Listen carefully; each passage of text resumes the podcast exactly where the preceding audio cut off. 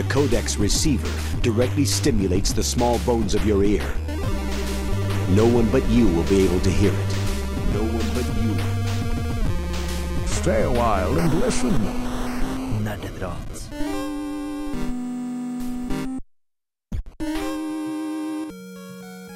Velkommen til Nerdeprat, spillmagasinet på Radio Revolt. Mitt navn er Bård Asta, og jeg skal være programlederen i dagens sending som du kanskje tippa pga. vår fancy-pansy åpning kommer til å handle om retrospill. Vi kommer til å gi dere noen anmeldelser av noen neo-retro-spill. Vi kommer til å komme inn på det temaet etter hvert. Vi kommer også til å diskutere Er kassetten den nye vinyl? Hva er våre favoritt-retrospill, Og selvfølgelig, i god gammeldags eh, nerdepratstemning, så skal vi definere hva er retrospill. Men først vil definere studio. Med meg så har jeg yngstemann Torben Dahl. Jeg har også med meg minstemann Andreas Dørum. Og til slutt trollmann Anders. Vi er alle menn på hver vår måte. Eh, Og dere har selvfølgelig tatt og spalt annet i løpet av uka, vil jeg anta. Eh, Er noen som klør i fingrene etter å fortelle oss? Ja, fordi jeg begynte å formulere en tanke på hvordan jeg skulle knytte dette opp mot retrospill. Fordi jeg har spilt et gammelt spill. Og om det er et retrospill, vet jeg ikke, men jeg begynte på Half-Life 2 igjen. Etter at vi, vi snakket om hvor sykt kult Half-Life var, og da måtte jeg måtte spille Half-Life 2 igjen. Og det er, det er jo gammelt. Det er kanskje et retrospill. Altså, Jeg vil kalle det en slags retro-FPS fordi det ikke er cover-based. Men jeg kommer til å diskutere da- litt ja. det senere i sendinga. Så, så da merket jeg hvor deilig det var å spille noe som var gammelt. Samtidig så har jeg spilt Endless Legend, som er et uh, 4X-spill. Altså uh, Civilization 5, for eksempel, er et 4X-spill hvor du skal utvide uh, Altså det er expand, exploit, explore, exterminate. Ikke nødvendigvis i den rekkefølgen. Eh, så du skal liksom ta over verden eh, ved å bygge deg større og sånn. Og den gjør veldig mye nytt. Og det var også veldig forfriskende å spille noe som tar mange velkjente eh, konsepter og gjør noe helt annerledes med det. Så det er liksom de to uh, De to spillene jeg tar med inn i den sendingen. Av og til er det veldig deilig med noe som er akkurat som før, og av og til er det veldig deilig med noe som gjør noe helt nytt. Jeg vil anta at Endless Legend er et PC-spill, sånn som det er flest andre 4X-spill. Ja, det er et PC-spill. Eh, Det hadde sånn eh, free weekend nå i helgen, så da spilte jeg en del. Og så kjøpte jeg det på tampen, så da var det på tilbud. Det er ikke lenger på tilbud. Eh, Men det, er, det er- koster ikke så altfor mye på Steam hvis du har lyst til å sjekke det ut. Du kan jo også uh, Det jeg gjør med alle sånne spill, er at jeg følger de. Uh, Du kan gå inn på Steam og så follow, sånn at du får eh, mail hvis de er på tilbud. Så da sitter jeg og venter, og så hopper jeg på tilbudene. Jeg, jeg er en sånn, sånn person. Anders, du har tatt med deg en anmeldelse av hvilket spill? Åh, hold dere fast, folkens, for nå skal vi gå tilbake her til, til Terminator og sånn. Jeg har vært og spilt Broforce. Ah. Er det det eneste spillet du har spilt? Fordi at Vi burde ikke spoile altfor masse av det spillet jeg har- før anmeldelsen. Jeg har ikke noe lyst til å snakke om Broforce akkurat nå. Uh, derfor har jeg også spilt andre spill. Ja, jeg har eh, spilt spill både i det virkelige liv og på datamaskiner. Eh, altså, jeg, jeg spilte fotball igjen for første gang på ti år i, i helga. Og etter det så Larpa Fifa, som jeg kaller det på nerd. Yes. Jeg har eh, cosplaya Ronaldo. Men, men eh, det som skjedde, da var at jeg slo meg. Så jeg ble uh, sengeliggende, eller Oh. veldig lite mobil, egentlig. Eh, så, så da måtte jeg bare ja, bevege meg litt sånn mellom senga og datamaskiner i løpet av søndagen. Var ikke noe annet valg da? Har ikke det. Dessverre måtte jeg holde meg hjemme og spille eh, Heroes of the Storm, som jeg fortsatt spiller. Og jeg har funnet en helt ny, fin taktikk nå som gjør at alle sammen blir sinte på meg. Både, både på laget mitt og motstanderne. Og det er sånn super eh, hva, hva er et norsk ord for cheesy? Ostått? ja, ja, ja, jeg har funnet en veldig sånn ostått-taktikk som det går an å bruke. Som fungerer veldig bra. eh, og det bare, jeg bare får så mye tårer over meg i alle retninger, og det er vakkert. Det er rett og slett vakkert.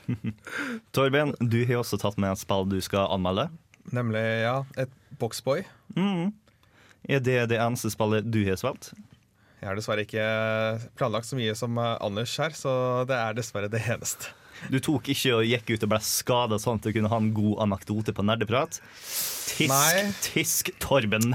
Tisk, tisk. Jeg skammer meg. Dette er et program som krever dedikasjon. Yes. Men For eksempel å hvis vi, ødelegge knærne dine. hvis vi skader Torben etter sending nå Da har vi en god historie til neste episode. Oi, Og vi har en hel uke på oss. han flytter seg litt bort ifra meg. Be, be right back. eh. Sjøl så har jeg faktisk ikke spilt noe særlig spill. Jeg har pga. Star Wars Celebration fått skikkelig masse mer dilla på Star Wars nå i siste. Og for første gang på sånn evigheter så er det mulig å ta og få en total oversikt på Star Wars canon. Hva som faktisk har skjedd i Star Wars-universet. Fordi for sånn litt over et år siden så involverte det mange hundre bøker, 20-30-talls spill, massevis av tegneserier, eh, radiohørespill, alt mulig rart. Nå så er det de seks filmene som jeg har sett, de to animerte seriene, Clone Wars og Rebels, som jeg har sett 95% av, eh, tegneseriene som jeg ennå ikke plukka opp, og bøkene. Og jeg hørte gjennom eh, Star Wars Air to the Jedi, som var en rimelig god bok, som handler om Luke Skywalker, fortalt i første person ifra han. Og eh, var en ganske god en til å sette i nyanse hvor Luke var imellom eh, A New Hope og eh, eh, Empire Strikes Back. Anbefales. Eh, for øvrig, de to andre bøkene er Tarkin, som forteller om eh, Grand Moff Tarkin, som er en ganske badass bok. Eh, og eh, A New Dawn, som er en eh, forhåndsfortelling til eh, Star Wars Rebels-serien. I min mening, historien i den boka er bedre enn noen av historiene som er blitt presentert i serien så langt. Men tittelen på boka er kanskje den mest brukte tittelen på noen som ting som helst. A New Dawn. Jeg syns jeg hører det overalt. Ja, det minner meg veldig masse om A New Hope. Akkurat som eh, Star Wars Air to the Jedi minner meg veldig masse om Air to the Empire, som var den første boka som virkelig slo igjennom tilbake på 90-tallet av Star Wars-bøker. Men vi kommer til å preike litt mer Star Wars når vi kommer tilbake, fordi at det har vært, som sagt, eh, Star Wars Celebration, og der kom det ut nyheter, blant annet Battlefront. Men først Hate will get us everywhere!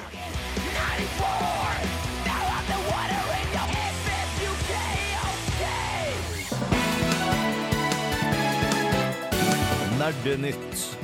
I dagens Nerdenytt kommer vi til å lære om Star Wars Battlefront, om GTA, filmatisering og om norske spill som gjør det godt i Nordic Game Awards.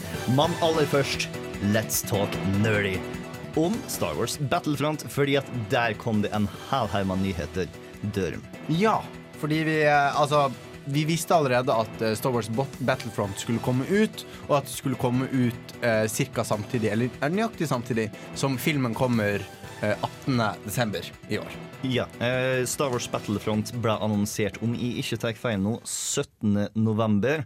Og så kommer det til å komme ut DLC knytta til filmen rett Sånn rett før. Ja, og akkurat dette er DLC. Det får jo noen på internett litt i uh, harnisk.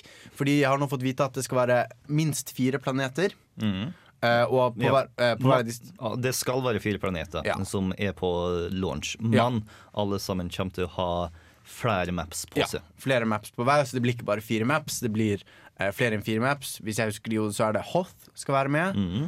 Uh, nei, det kommer jeg ikke på noen flere. Tatooine, uh, The Force Planet of Endor. Ikke Endor, det er en gassgigant, folkens. Eh, Ja, fordi det er noe eh, rundt Endor. Ja. Sullust. Så løst. Ja. Mm, som basically er Star Wars-Island med massevis av is og vulkan. Ja. Så de, så de skal være en del av uh, spillet, mens planeten hvor uh, deler av uh, Star Wars The Force Awakens Altså den planeten som du kan Sandplaneten, som folk lurte på om var Tatooine, i bakgrunnen på spoilers-trailerne. Det er sand i noen av trailerne. Bare sånn at jeg er klar over det. Eh, den planeten heter Jakku, og den er DLC. Uh, og, og sånn som jeg føler det, og det, skal, altså det er annonsert at det ikke skal være Space Combat. Det er også annonsert at en del features som var i Battlefront 2, ikke skal være med i dette nye spillet. Og da tenker jeg dette kan gå litt to veier. Enten så er det snakk om at utviklerne prøver å liksom stramme det inn, gjøre det til en tightere opplevelse. Eh, eller så er det snakk om at de liksom vil underlevere på innhold, og så heller eh, på en måte skvise oss for DLC. Det kan gå litt begge veier. Men internett har bestemt seg for hvilken vei det Jeg, kommer til å gå. jeg har sittet og frustrert meg over en hel haug med internettkommentarer. For det første, dere som sitter og kaldsvetter litt der ute. Denne DLC-en som kommer rett før Star Wars-filmen, er gratis. Det er oh, fordi ja. at du ikke skal ta og bli spoila for masse om filmen. Så kommer de til å gi det slaget på Yaku, som er derfor du har f.eks. en gigantisk Star Destroyer som ligger begravd i sand i starten av eh, teaser-traileren. ja, så, så Yaku-delscenen det blir på en måte før Ja. Det blir før filmen. De Ah, det forklarer hvorfor det er så masse ødelagte imperieting på Yaku-planeten. Uh, for øvrig, en klage folk har veldig masse om eh, Star Wars Battlefront, er at du ikke har noe ifra Clone Wars. Det kommer kun til å være den æraen som heter The Galactic Civil War, som var eh, episode fire til seks. Og eh, dette er forståelig. Jeg tror ikke dette er et valg som verken Dice eller EA tok sjøl. Jeg tror dette er Disney. Fordi at etter at de har tatt og kjøpt uh, Lucasfilm, så har de ikke gitt ut noe som helst som har foregått før Star Wars episode 3. Så jeg tror de har lyst til å fokusere folk på de originale filmene. Hvorfor de likte veldig masse det. Ikke minne deg på prequelsene. Og så bare sånn Og her har du noe nytt, noe du ikke har sett før, noe som faktisk er Star Wars. Det er den reisen jeg tror Disney har lyst til å ta oss med på. For det originale filmene det er nummer fire til seks. Stemmer det? Det stemmer. Som du sikkert forstår nå, så kan jeg ingenting om Star Wars i det hele tatt. Men det er greit, for det er sikkert noen av dere som hører på, som kanskje ikke er 100 oppdatert på, oppdatert på Star Wars. Så Og det er lov. Anders Og det er som, veldig lov. ja. Så har vi Anders som holder oss i tøylene når meg og Bård blir sånn veldig interne på Star Wars. Den andre klagen jeg hører veldig masse, er at det ikke er Space Combats. Og jeg synes egentlig det er veldig forståelig, og ikke det verste i verden. Fordi at eh, Star Wars Battlefront, det originale som kom ut i 2004, hadde heller ikke Space Combat. Eh, Det var først i Star Wars Battlefront 2 at det ble introdusert. Og dette er et spill som ble utvikla på to år. Og jeg er veldig redd for at dersom de har prøvd å inkludere eh, Space Combat, som har krevd en helt, annen form for eh, gravi, gravitet Gravitasjon. Gravitasjon, ja. Newton og Eller greier der. da. Ja. Ja. Eh, så har vi enten ikke fått spillet før Star Wars-filmen, som var noe å satse på, eller vi har fått et spill som var grei på det meste, men nå så får vi forhåpentligvis et spill som er veldig god på det de prøver på. Ja, for man må huske at dette er det første Battlefront-spillet som kommer fra Dice. Altså de har erfaring Det er de som har stått bak Battlefield-spillene, som da var inspirasjonen for Battlefront-spillene, men likevel er det første Battlefront-spillet fra Dice. Greit at de kan fokusere på én ting første gangen, og så kanskje får vi en Battlefront 2-2. Altså den andre Battlefront. ja. eh, med Space Combat, med alle disse tingene. Men ja, kanskje de trenger å lage et litt mer fokusert spill første gangen. Det er jeg enig i. Og for dere som er redd for at dette kommer til å være en eh, skin swap for Battlefield, de har i hvert fall påstått at dette er et spill de har laga fra grunnen og opp for å ta og være Star Wars Battlefront, og ikke bare kopiert kode fra Battlefield. Ja, det er jo mange ting, for eksempel at du kan spille jedier. Ja, at du kan ha sånne uh, hero characters. Det er jo unikt for Battlefront-serien. Ja. Så det, blir, det, det har helt egen gameplay. Mm, og vender tilbake. Sammen Ja. første førsteperson, selvfølgelig. Så chillax, uh, people of the internet. Det skal nok fikse seg.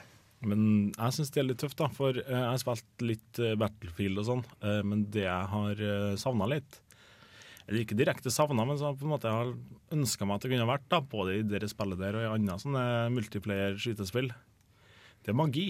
Eller eh, det det kalles i Hva det kaller det i Star Wars? The Force. The Force. Ikke magi i det hele tatt. Kraften. Det er, eh, kraften. Ja, det er ikke magi, det er ikke magi, eh, men det er kraft. Ja. Ja. Og det, men det tror jeg blir kult, da. Mm. Altså det, det er en sånn ekstra ting som Altså, det, gjør gjør at det ikke blir så uh, statisk. Mm, Liksom mm. plutselig så snur det veldig fordi noen har fått en force character, og det liksom forandrer hele slagmarken. Så gjør at det blir mer dynamisk. Da. Så det er veldig Du kan jo jeg kan anbefale folk å sjekke ut Battlefront 2, som er et veldig veldig godt spill. Eh, og sikkert koster ingenting, fordi det er ganske gammelt. Så det kan folk eh, sjekke ut. Folk kan også sjekke ut eh, den nye traileren som kom i forbindelse med Star Wars Celebration. Oh yes. Det er, altså, det er, en, det er en god trailer. Jeg, skal ikke si, jeg, vet- jeg vet ikke om vi skal si så mye om innholdet, men jeg vil bare si det er en god trailer. Den eh, gjør deg veldig interessert, men den sier ikke så mye om hva som kommer til å skje. Den viser ikke de kuleste scenene. Sånn, se, vi har en kjempekul slåssscene. Den sier ikke så masse om hva som kommer til å skje, men den kommer en hel haug med nye konsepter som for en fan er ganske interessant å bare sette seg ned og dissekere litt. For eksempel, skurkene er ikke lenger imperiet i Star Wars episode 7. Det er i stedet The First Order. Og for en annen teit grunn så er The Rebel Alliance i stedet The Resistance, som er det mest unødvendige navnebyttet jeg har vært borti, egentlig. Ja. Fordi det betyr det samme. Du har bare et nytt branding. Ja. Altså Den PR-avdelingen til rebellen, rebellene burde ta seg litt sammen. Mm. De har veldig god logo, veldig kul logo, men uh, dette navnbyttet tror jeg ikke noe på. Kanskje, kanskje hashtaggen var brukt opp allerede på internett Twitter. Hashtag rebel. Ja, det, det er godt mulig. Altså, kan, kan, kan det rett og slett være for å differensiere fra serien Rebels?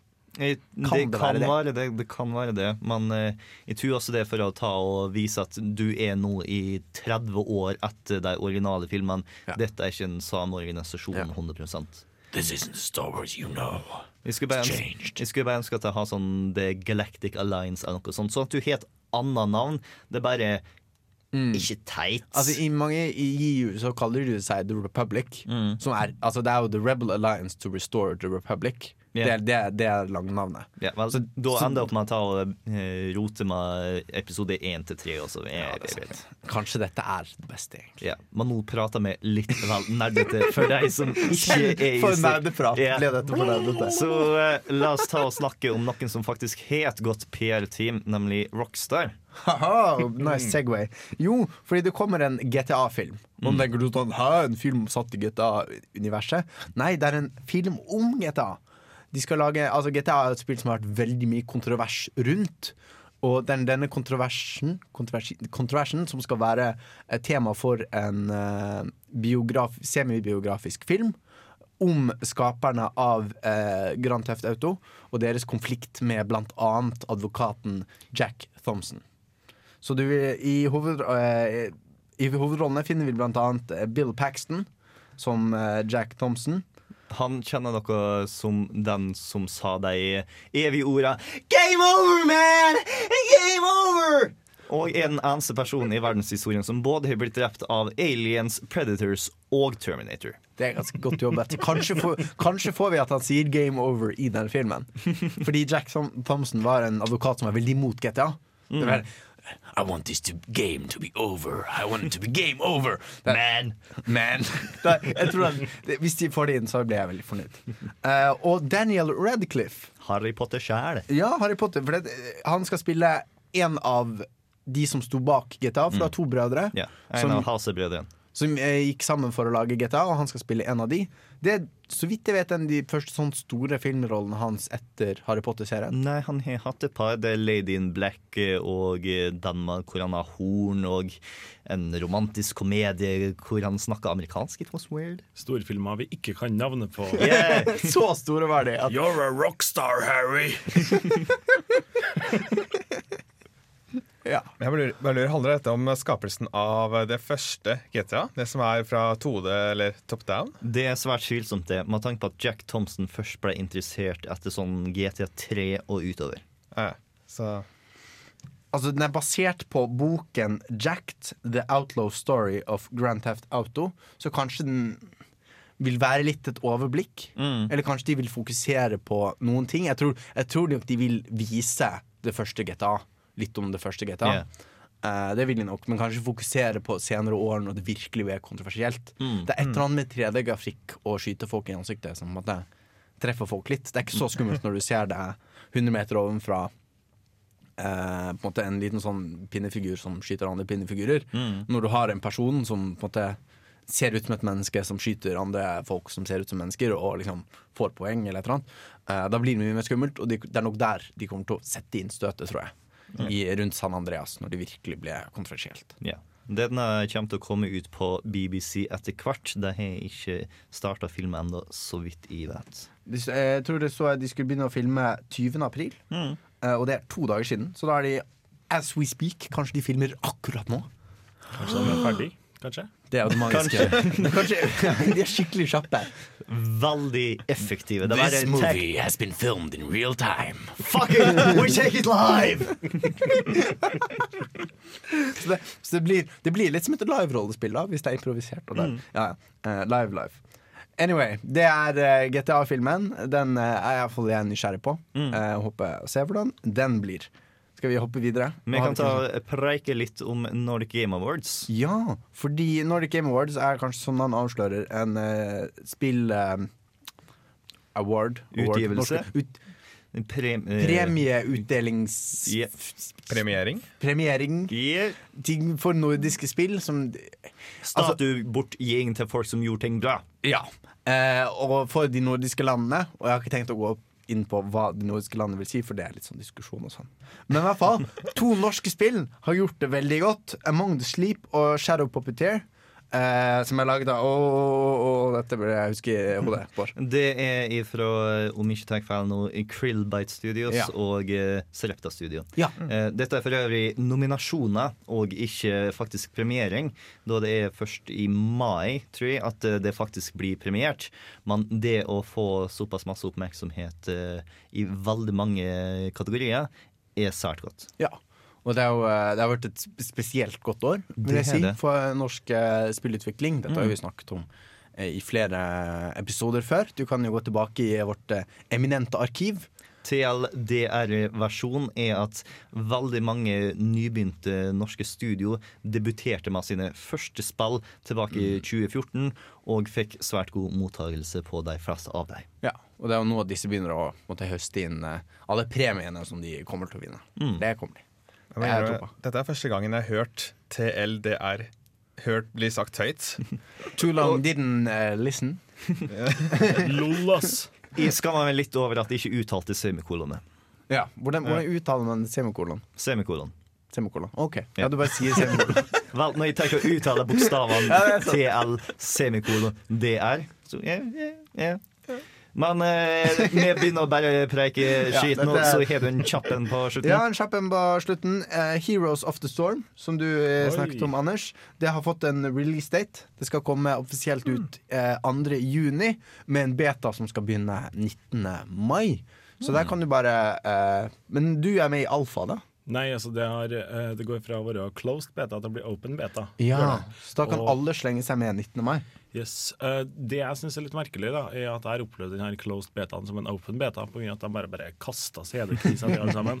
Sjøl har jeg fått åtte CD-keys så jeg kan gi bort sånt. eh, og nesten alle jeg vet om som enten spiller skal vi se hva blir det da? World of Warcraft, Heartstone, Diablo eller Starcraft har liksom sånn "Her, eh, eh, Ta dette trillebåret her med CD-keys og gi det ut til alle du kjenner. Ja, For dette er jo Blizzard sin Moba, altså League of Legends ekvivalent. Er det det vi kaller det nå? Dota Nei, vi kaller det en fart. Uh, fast action play uh, Fast action paced uh, real time tournament. Fart. Fart. Så eh, Blizzard kommer med sin fart eh, 2. juni. Right. Eh, mens dere venter på det, så skal dere få litt anbefaling på et par eh, spill. Først opp så skal vi ta og høre Torben sin anmeldelse av Boxboy til 3DS-en. Men aller, aller først skal vi høre litt på Lido og Canblazer med Superspeed. Hurry up, hurry up, hurry up, hurry up.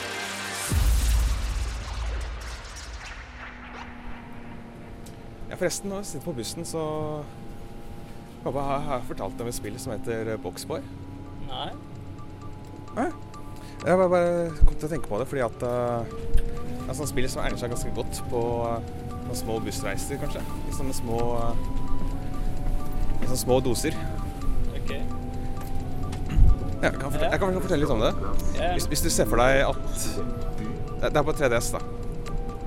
Så det har svart-hvitt grafikk. Oh, det mektig imponerende. Og det er ikke i 3D, det er kun i 2D. Og du styrer en firkant som heter Kubi. Vel, jeg er vel- jeg er veldig glad, glad i firkanter i hvert fall. Klar videre. Dette er et sånt puzzle-spill. Så du får bare massevis av utfordringer, og så skal du komme deg forbi dem. Måten du eh, gjør det på, er ved at du kan lage blokker. Eller strukturer av blokker eller firkanter. Så du kan f.eks. Uh, lage deg én, bruke én enkelt firkant. Og så kan du kaste den firkanten opp på noen pigger. Da kan du hoppe opp på den firkanten i stedet for å dette i døden i piggene. Ja. Bruke en plattform. Så en firkant som kan lage firkanter. Ja, basically. Yes, I love it.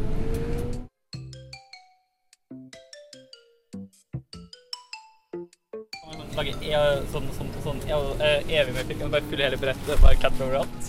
Nei, for det er der utfordringen kommer inn, da. Du kan kun ha én struktur om gangen på et brett. Og hvert enkelt brett setter begrensning på hvor mange blokker du kan ha om gangen, og også hvor mange blokker du kan lage totalt.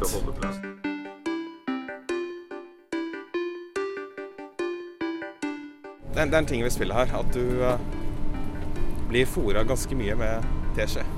Spillet er kanskje litt lenger enn det burde være, men uh, samtidig så Jeg hadde det gøy mens jeg spilte det. Jeg ble hekta. Du kan kjøpe kostymer til eh, firkanten din. Det kan være ridder og sånt, så Neste holdeplass. Så hvis du har Ja, syd. ah, Her har vi skap. Ja. Så, men hvis du har en 3DS og har 40 kroner til overs, så kan jeg nok anbefale det.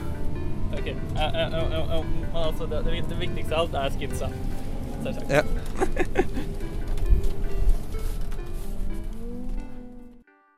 Hvis du kutter dem i halv, kan du lage trekanter. Nei, det, dessverre.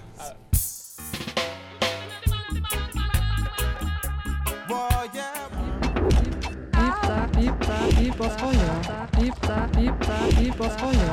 Pizza, pizza, pizza skoja. Pizza, pizza, pizza skoja. Nerdeprat på Radio Revolt. Randy Valentine ma Mama Said hørte du der, rett etter at du tok og hørte Torben sin anmeldelse av Boxboy! Jeg tok og ropte det fordi at jeg har forstått det sånn at utropstegnet er en del av tittelen til Boxboy! Det stemmer. Boxboy, i likhet med bispillet du anmeldte, som jeg stadig vekk ikke husker navnet på. Vampire The Masquerade Bloodlines. Da må du utøve tankestreken. Det er en bindestrek, ikke en tankestrek. Jeg må bare si Sikker på at ikke Jeg må bare si, for jeg var ikke med på det programmet forrige uke. Sorry for Mm. det, folkens. Det er et fantastisk spill! Oh yes. Men la oss slutte å snakke om Vampire the Masquerade Bloodlines. I hvert fall for øyeblikket. For vi skal snakke om Boxboy! Ja. Torben. Yes. Eh, Boxboy yeah! er et eh, spill som eh, kom ut på eh, 3DS-en for ikke så altfor lenge, og til en ganske rimelig pris også. ja, 40 kroner. 40 kroner Ble, ble, ble annonsert på Nintendo Direct og bare Hei, når vi er ferdig med å presentere ting, så kan dere kjøpe det spillet her. Mm. Det var et eh, spill som fanga øynene mine, i hvert fall. Fordi at grafikken minner meg sjukt masse om gamle Gameboy-spill. Eh, Veldig den æren der. Eh, og eh, er dette noe som egentlig har fungert på den originale Gameboyen? Tja, du må, måtte nok gjort noen Måtte ofre en del, fordi kamera, kamera kan zoome inn og ut og den type ting. Mm. Ja. Men jo, jeg tror det kunne fungert. Mm. Men benytter seg ikke noe særlig av touchskjermen eller noe sånt? Det er ikke noe, særlig, det er, det er ikke noe bruk av touchskjermen. Nei. Det er D-paden og to knapper. Mm. Ja, den bruker alle fire knappene til et eller annet. Men uh, du Ok. kunne nok eh, klart deg med L og R-knapp også. Ja. Mm. Så det er old school også sånn uh, kontrollermessig. Mm. Spennende. Uh, Hva er det som er appellerende med Boxboy?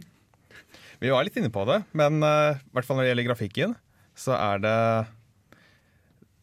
Selve, selv om omgivelsene er ganske livløse, så er Boxboy selv Nei, Kubi heter han. Figuren du styrer, han er ganske full av liv. Mm. Han eh, gjør en liten dans når de klarer nivået, og ser litt søt ut når du går rundt og sånt. Ja. Så, men det er ikke så rart hvis du tenker på hvem som har laget dette spillet. Oh. Fordi utvikleren er eh, HAL Laboratory, Ja. som eh, står bak titler som Super Smash Brothers og oh, ja. Kirby. Ah, wow. Mm. Det er jo store navn, det. Ja, eh, og eh, de har vel Jeg tror ikke det var Herlehell som var med å lage Boxboy, fordi at det er nesten et indiespill skapt innad i Nintendo. Ja, det er det. Fordi jeg, jeg fikk en veldig sånn indie-vibe av på måten du snakket om det på. Mm. Uh, så det er nesten rart jeg ikke har hørt mer om det.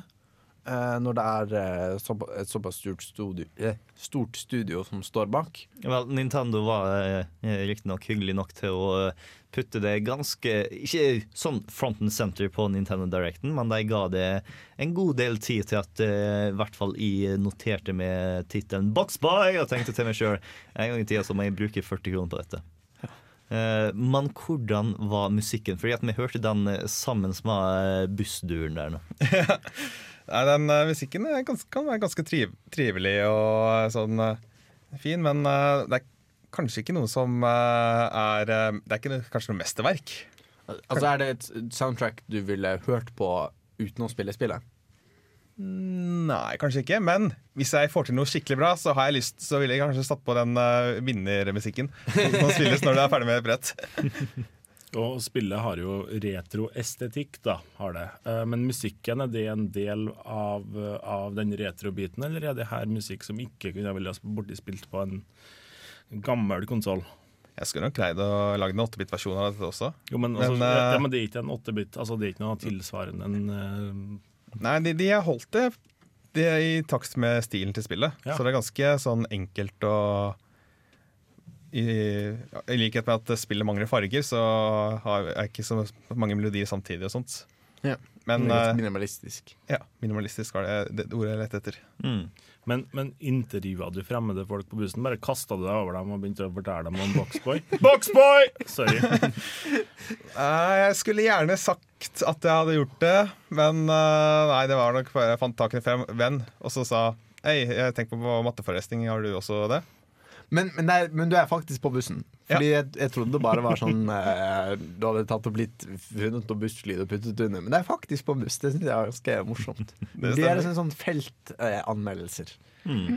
Men vi kan finne Hvis man skulle gjort noe passende til eh, et litt mer actionfylt spill, kanskje man kunne liksom gått rundt i skogen, eller eh, dratt på fe- fe- fjelltur i en hule, animert Skyrim, for eksempel. Jeg vet ikke. Bare å glede dere til den neste anmeldelsen ifra Dørum. Eh, den neste anmeldelsen vi skal høre, er Broforce ifra Anders. Men før det så må vi ta en trall til. Denne gangen er våre trubadurer Ta med Impala med 'Cause I'm a Man'.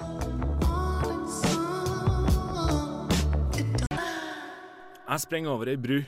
Kaster en granat og ser blodet sprute samtidig som at jeg sprenger et hull i gulvet. Jeg hopper gjennom gulvet og bruker den altfor store kniven min til å klatre opp en vegg før jeg heiser et flagg på toppen av bygninga. Fornøyd med det her, så hopper jeg ned fra bygninga og skyter 32 maskerte menn. Jeg heiser et nytt flagg, og et helikopter plukker meg opp og flyger meg i sikkerhet mens banen sprenges i lufta bak meg. Jeg ser selvfølgelig ikke på eksplosjonen.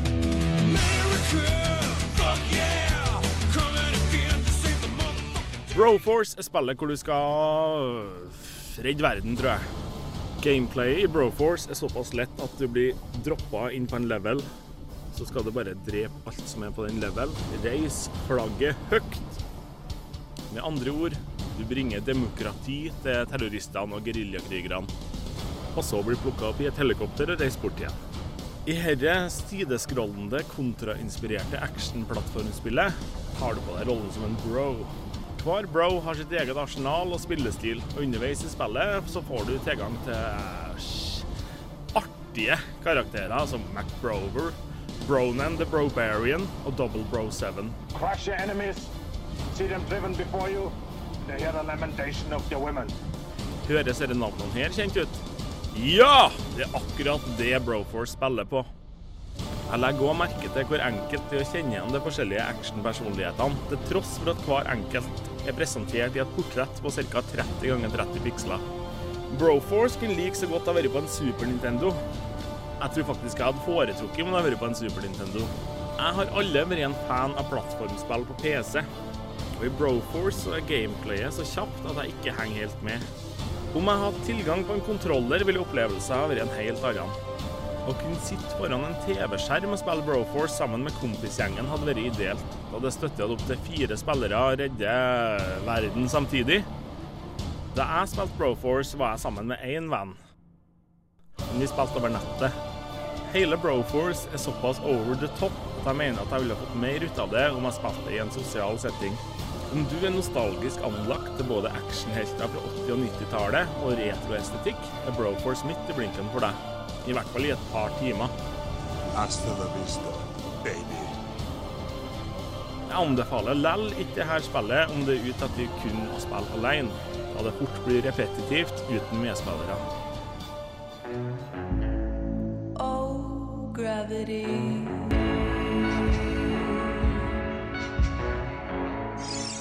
Hello? Look! Hey, listen! Dame Gravity av OK Kaja fikk du servert der.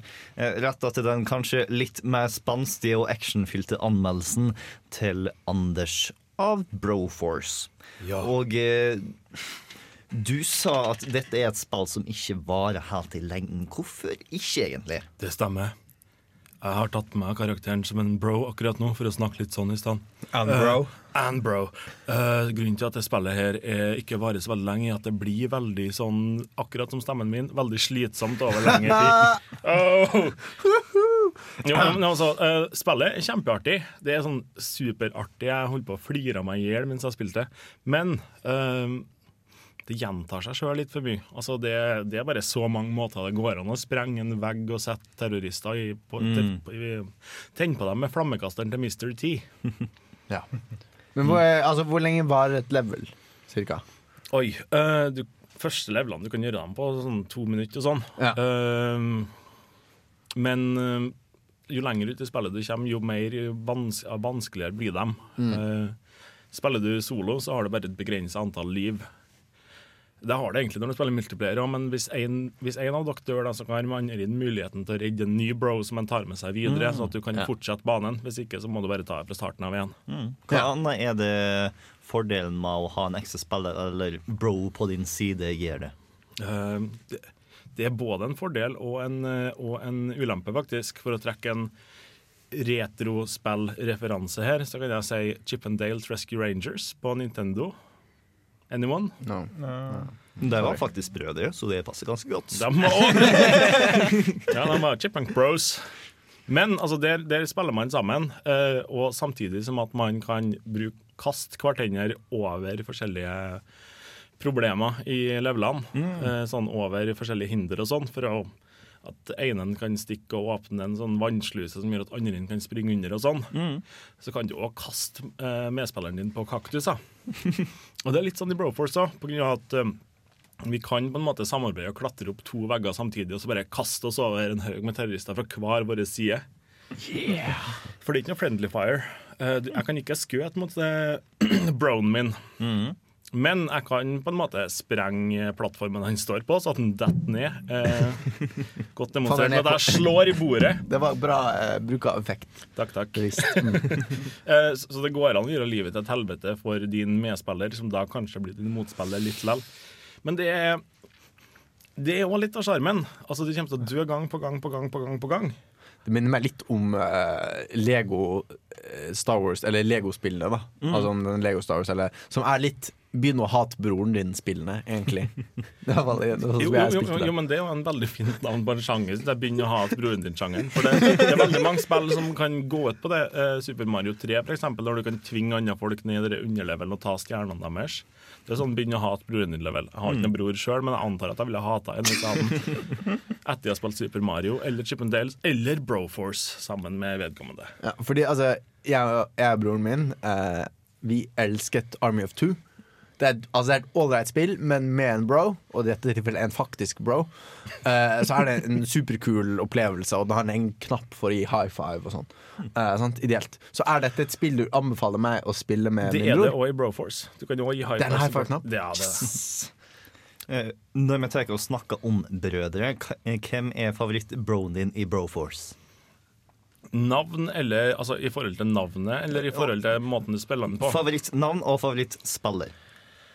Uff, uh, uh, The Bro in Black syns jeg er ganske, artig å spille. Uh, på grunn av at han har den lisse øh, pistolen som han skjøt lasere og sånn med. Mm. Så det er altså uh, han Will Smith fra Men in Black. Ja. Han syns Bro Giver er ganske kul. Eh, kult navn. Men Double Bro 7 er jo ganske artig. Yeah. Eh, Rambro. Bro, Brobo Cop. og så videre og så videre. Indiana Browns. Bro.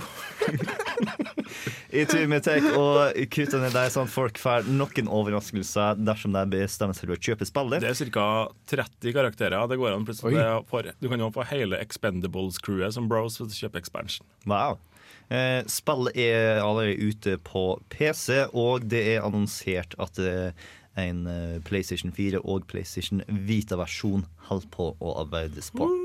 Eh, men nå har vi snakka om et par nye spill som eh, tar og gir seg litt ut for å være retrospill.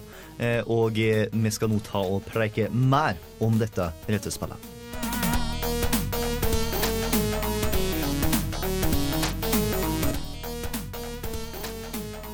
Inventory Screen fra Decap Attack, utgitt av Sega eh, på Megadriven tilbake i 92. Eh, Og nå med den retrolåta så skal vi ta og preike litt om retrospill. Og da tar vi og begynner med å definere, som jeg så gjerne gjør i Nerdeprat. Og da har jeg lyst til å føre videre den diskusjonen Dørum begynte med på starten, da han spurte seg sjøl er Half-Life 2 et retrospill eller ikke. Som for øvrig er en diskusjon som jeg og Anders så smått har den første gangen vi møtte hverandre.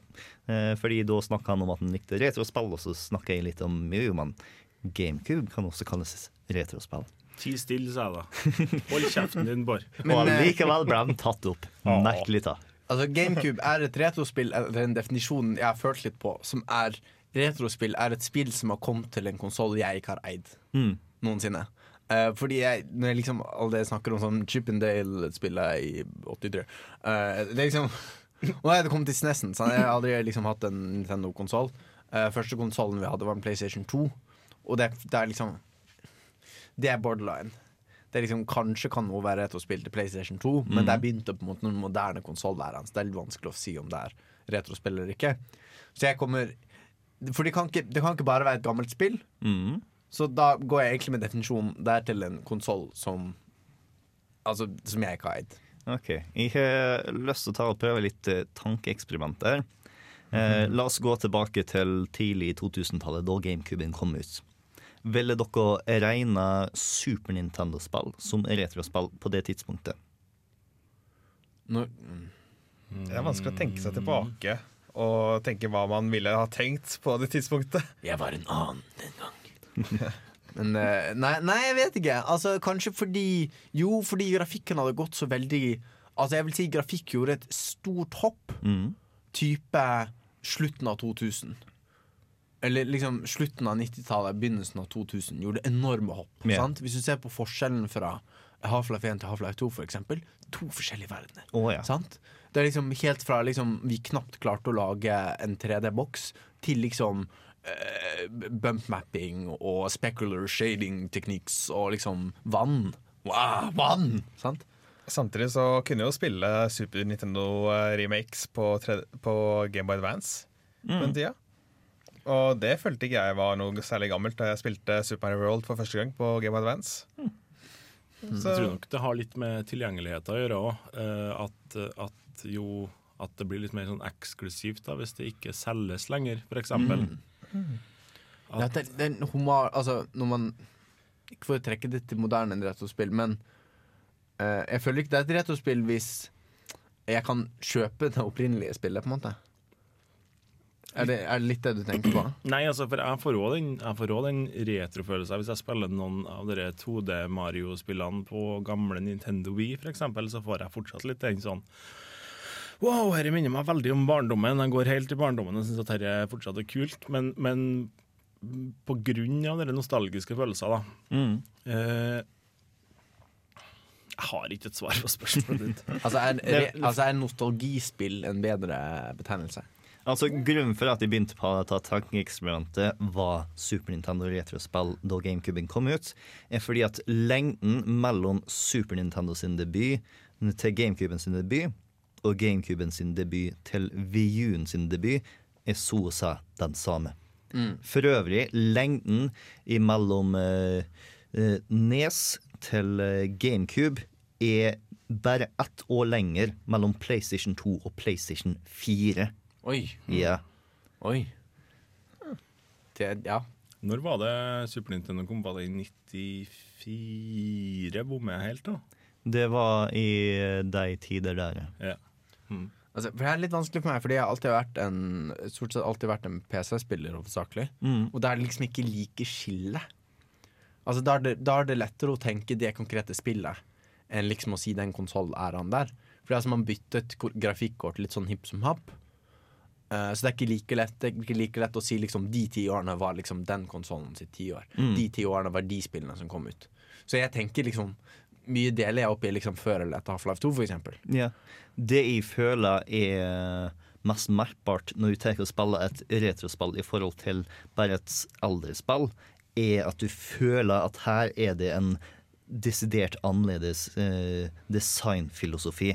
Du føler at dette er et spill som ikke kunne egentlig komme ut i dag. Ikke fordi at det ser dårligere ut, eller fordi at uh, ting ikke er like kjapt og sånt, men fordi at måten spillet er bygd opp på, har en helt annen tankesett, ble skapt for en helt annen verden enn for den verden som eksisterer i dag. For den følelsen får jeg når jeg spiller Half-Life 2. Absolutt. Uh, for det er, ikke, det er ikke noe cover, uh, og det er ikke, um, ikke Iron Sights. Eh, bare den lille tingen der at du liksom Hva skjer når du blir skada? Eh, sant? Da går livet ditt ned, fordi Mm. du har 100 Du har så mye skjold, og så har du så så mye liv. Eh, og det tikker nedover. Og det er ikke Mm. sånn du går ti sekunder, og så har du um, liv igjen. Og det gir en helt annen flyt. Mm. Jeg syns eh, å, eh, Super Bunny Hop, tror jeg han heter. Eh, en sånn YouTube-fyr. vi kan sikkert linke. Når han snakker om rage, og sammenligner det med Doom, Mm. så sier han veldig mye av forskjellen er det at du gikk fra å ha 100 liv til å ha sånn recharging, eh, COD-style-liv. Jeg tror det var Call of Duty som måtte, på, i stor grad innførte den der Du ble skutt, nå må du liksom ha rød skjerm i tre sekunder, og så går det bra igjen. Fordi da blir det veldig sånn rykk og napp-spilling. Liksom, ok, nå ble jeg skadet, nå må jeg gå tilbake i cover. Og da kan jeg skyte litt. Nei, nå må jeg gå tilbake. I Half-Life så er det litt sånn Med en gang du har begynt å bli skutt på, så er det ikke noe vits å flykte, for da skyter de på deg. Da er, liksom, da er målet ditt å bare skyte de fortest Mm. mulig. Og de gir en helt annen flyt spillet, og jeg vil si på mange måter en bedre flyt. I hvert fall for den spillopplevelsen som Half-Life gir, som er veldig sånn Nå skal vi ut på eventyr! Altså, du liksom hopper fra båten til bilen til liksom kanonen, kjører forbi en ting. Uh, Altså, du går så mye mer fast-paced. Og den, den følelsen likte jeg veldig, og den merker jeg at den har jeg savnet. Etter at, liksom, at Koda på en måte dominerte FPS-sjangeren. da Ja. Det er, jo, det er jo artig å tenke på, sånn som du nevner Half-Life her, eh, og en del andre spiller som folk har et sånn nostalgisk syn på. Det er jo dem som har sett, eh, sett eh, eh, standarden for nyere spill, føler jeg. Mm. Sånn i forhold til, i forhold til Doom, for eksempel, og dere, ja, det var vel kanskje med Wolf 3D, og det når jeg tenker meg litt om. Hva- Men altså helse, sant, Ja. eh, Heltbacks eller hva det var, kyllingmiddag i, eh, i Wolf 3D. Mm. Eh, eller eh, ja, for å trekke den enda videre Vestlige RPG-spill sånn som Morrowind, Deus Ex og Vampire the Masquerade Bloodlines. for eksempel. Eller uh, hva heter det som kom rett før Command and Conquer? Red Alert 2, tenker jeg Jeg på. tenker ikke på Red Alert eh, Altså ikke Command and Conquer Red Alert, men jeg tenker på det som kom før. det er sånn Eh, Generals et eller annet, eller bare gode gamle Command and Conquer? Eh, Gode, gamle Command and Conquer. Mm. Før det så var det et annet spill som på en måte setter den standarden òg. Eh, Dune 2? Ja, og så et til, eh, som var satt i nåtid. Dit, så jeg kommer ikke på det. Empire Earth. I, Nei, det er Herregud, nå hopper du ti år framover, du. Men ja, Men- nei, det altså, spillet. Det, ja, men altså, det, det, er sånn, det setter det setter på en måte standarden. Mm. For eksempel uh, Warcraft 1, strategispillet Warcraft 1. Setter standarden ved at i RTS-spill så trykker du på bygningen, og så rekrutterer du krigere. Mm. Det var, det Det var- det var ukjent Warcraft for det. 1 som var det første som Og, og så bare fortsetter jeg med det. Ja. Det ble på en måte ikke en bransjestandard, men det ble en sånn du forventa Det var det som ble Mm. intuitivt, da. Det henger jo litt sammen med diskusjonen vi har hatt om sjanger før, at man får sånne forventninger at når jeg plukker opp en FPS, så har jeg noen forventninger. Nå til dags så forventer jeg hvis jeg trykker på høyre tast, så, kommer jeg, så Iron Sighter jeg, da sikter jeg. Hvis jeg trykker på venstre tast, så skyter jeg. Mm. Jeg tar liksom ikke å lese meg opp på kontrollene først, jeg antar det. Og man vinner mye ved å ha sånne eh, konvensjoner, fordi det går veldig raskt å sette seg inn i et nytt spill. Men jeg tror retrospill, det magiske med retrospill er at den også viser oss hva vi mister. At den viser oss hva med denne vakre tiden hvor vi ikke hadde de konvensjonene. Jeg ser så mye gøy vi hadde det da. Så det tror, jeg er, det tror jeg er viktig med å spille retrospill. Det var jo, en, det var jo sånn, eh, i det- hvert fall det jeg tenker mest på når jeg hører retrospill, sånn type nes, nesspill, hovedsakelig Mario og andre sånn sidescrolling eh, plattformspill. Der var det jo en standard at hvis, du, hvis det var en sånn gjenstand som kom mot deg, så var det enten en fiende eller en power-up. Avhengig av om den så eh, skummel ut eller ikke. Så hvis du da plutselig har kommet og begynt å spille et annet spill, det er en power-up, det ser ut som en power-up, men så er det en fiende. Noe som delvis dukka opp i Super Mario 2. Men da, da er det på en måte Det var jo en standard da, og uten at man kunne gå på internett og se at dette her Sånn, sånn er det i her spillet. her. Du bare Mm. kasta deg ut i og antok at det kom til å være sånn. Men eh, å skulle basere om det er retro eller ikke på, på grunnlag av designkonvensjoner jeg, jeg føler liksom Hvor mye har egentlig Mario endra seg? 2D Mario i løpet av årene? Har det blitt noe nevneverdig annerledes siden eh, de gamle, gode gamle Super World og Yoshi's Island? Uh, jeg vil sammenligne, for det har vi gjort en del ganger i programmet her, uh, jeg vil sammenligne retrospill, altså, eller gamle spill, da, som vi nå omtaler som retrospill, med porno. Ok. Du, vet ikke, du vet ikke at det er porno eller retrospill før du faktisk ser det. Altså, Du vet ikke om det er en film eller porno, men du Nei, altså du kan se sånn Her er det et naket menneske eller et spill, sant? Og så ser du der, og så aha, det her er porno eller retrospill. Men det, det har noe med den følelsen du får. Mm. det du tar i det. I, i, i det det Ja, altså i det Det er du jo samhandla med. I, I know it when I see it, på en måte. Yes, du kan ikke det. beskrive det, men du, du vet. Ja, du vet, nettopp, du vet, nettopp. du vet det i skammen. Skammen. For Er det, er det definisjonen, da? Retrospill er når vi spiller spillet, og så tenker vi hm, dette er et retrospill. er du fornøyd, Bård? dette er det vi gir deg. Jeg er ikke helt fornøyd, fordi at etter hvert så kommer jeg til å snakke litt om neo-retrospill, som eh, tar og rir på bølgen til retrospill, men ikke er faktisk retrospill, fordi at det kom ut sånn i går i stedet for 20 år siden. Er det når du setter ned og spiller et spill, så tenker du hm, dette var et retrospill, men det kom ut i går? Er det, altså, hvis det føles som et retrospill, så du får den Dette er et retrospill-følelsen, men det er ikke et faktisk gammelt spill. Det kan Er det, argumenteres. er det, er liksom, altså, det er jo ikke, det er jo ikke noen, en hjelpsom definisjon, men jeg, jeg vet ikke om vi kommer til å komme fram til noe bedre. Nei. Eh, før vi tar og går videre, så har jeg for øvrig lyst til å påpeke at eh, sånn jeg føler at grafikken har endra seg på eh, PC, eh, i stedet for gigantiske hopp, så føles det som å ta og se at det føles som at du holder på med mindre og mindre legobrikker jo lenger ut du kommer. Fordi at når jeg spilte f.eks.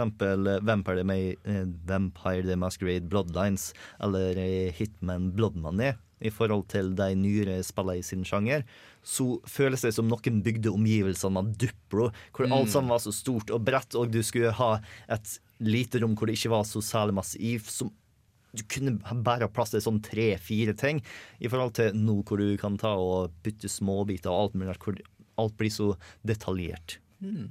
Ja. Det er en god tanke. Så nå har vi fått sånne små, sånne spesifikke, sånne rare legobiter. Vi får bare flere og flere. Ja. Eh, når vi tar og kommer tilbake, så skal vi ta og snakke litt om våre favorittretrospill, våre favorittærer å spille ifra, og våre favoritt-gamle konsoller å spille på. Men først så skal du få høre litt på eh, denne låta her som du ikke skulle tro faktisk er title-themen til Robocop. Riktignok ifra den originale Gameboyen. Eh, Den er tatt og eh, laga av Jonathan Dunn. Det som er spesielt morsomt med denne ikke-action-musikken, er at den også ble brukt senere til å selge vaskemaskiner i Storbritannia.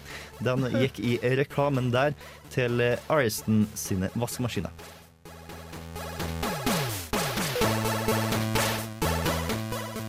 Robocop title theme, eh, som er komponert av Jonathan Dunn, hørte du det der.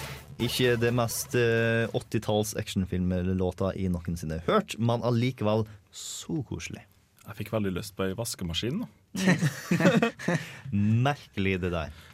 Men nå skal vi ta og diskutere våre favoritt-retrospill og våre favorittærer For eh, det er jeg litt nysgjerrig på hva folk foretrekker. Er det Nesen? Snesen er noe litt nyere? Er det en spesiell del av eh, PC-fortiden som står ditt hjerte nærmest? Hmm. For jeg, fordi, ja, som jeg sa, jeg syns retrospill er litt vanskeligere på PC, men nå fikk jeg litt drahjelp i musikkpausen her til å tenke. Uh, og jeg vil trekke fram et som er kanskje min personlige favoritt. Og så vil jeg på en måte trekke inn litt sånn PC-spill som kommer ut nå til dags, som er det jeg vil kalle PC-ens neoretro. Mm. Fordi PC-en har aldri vært så plattform. Altså det har vært en del plattformspill til PC, men ikke like plattformbasert. Men jeg vil først trekke, eh, trekke opp eh, sånn shoot em up, er det vel det kalles. Sånn eh, du flyr et fly, og så yeah. kommer det masse fly mot deg fra toppen. Eh, spillet Raptor, Call of the Shadows, eh, som var liksom det kuleste. Jeg tror, jeg lurer på om det var liksom Vi hadde demoen installert på PC-en hos farmor, eller noe sånt. Altså Det er liksom sånn virkelig nostalgitripp. Eh, og det er sånn shoot them up, og så er det litt sånn RPG-element. Og det var liksom Det var dritkult. Du, liksom, du fikk penger, og så kunne du kjøpe nye våpen. Og sånn. Dritkult. Det fant jeg på Steam for et par uker siden, at det hadde kommet ny Steam-versjon. Uh, så da kjøpte jeg det med en gang.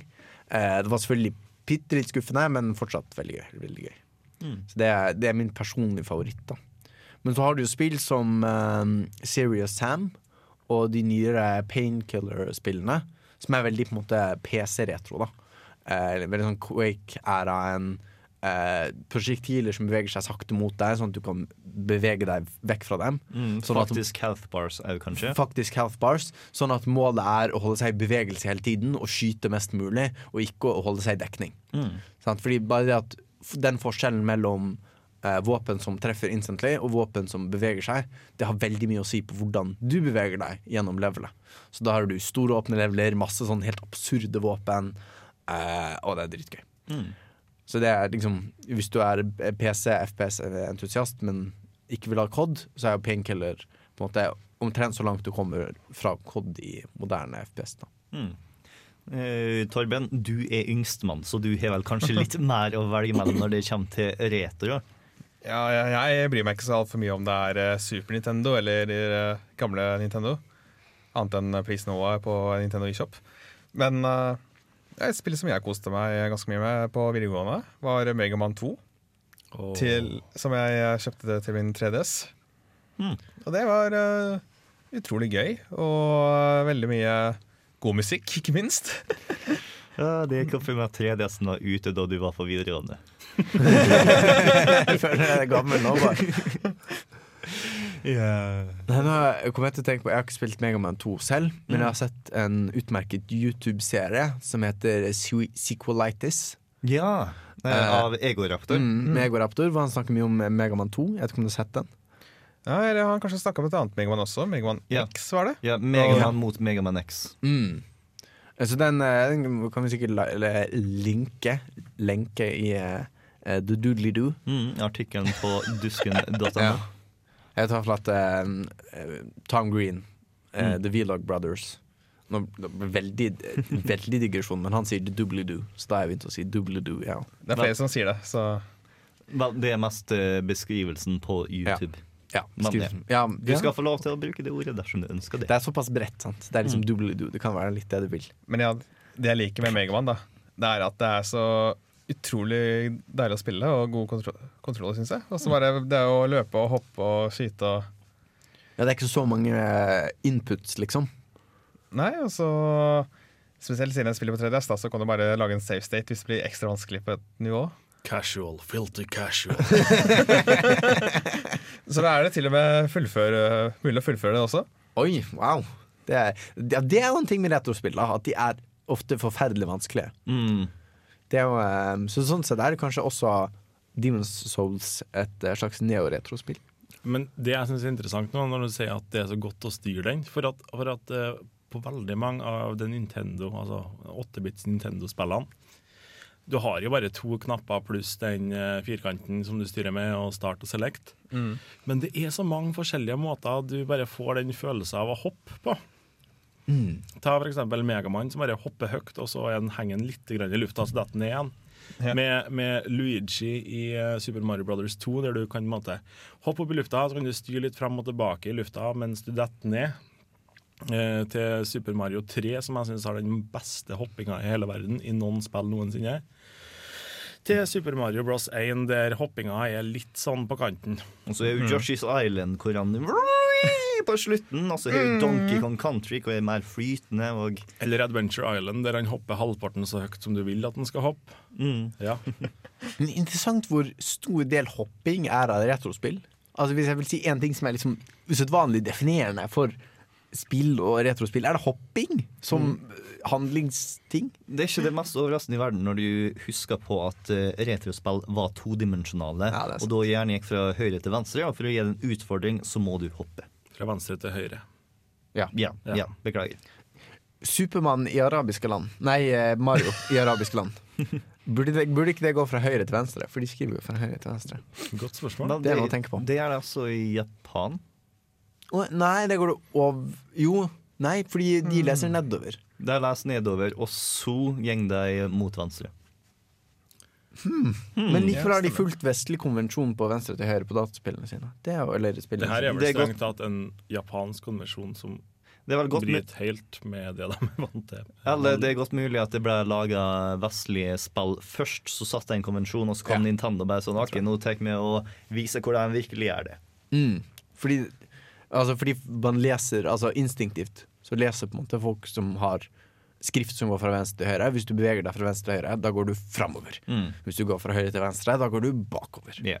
Det er en sånn instinktgreie for oss, da, som også blir, blør over i spill. Mm. Men eh, hvem er favorittene dine, Anders? Åh, ho, eh, jeg setter meg ned og begynte å tenke litt nå, eh, og jeg fant ut at jeg må på en måte sortere dem litt sånn på plattform.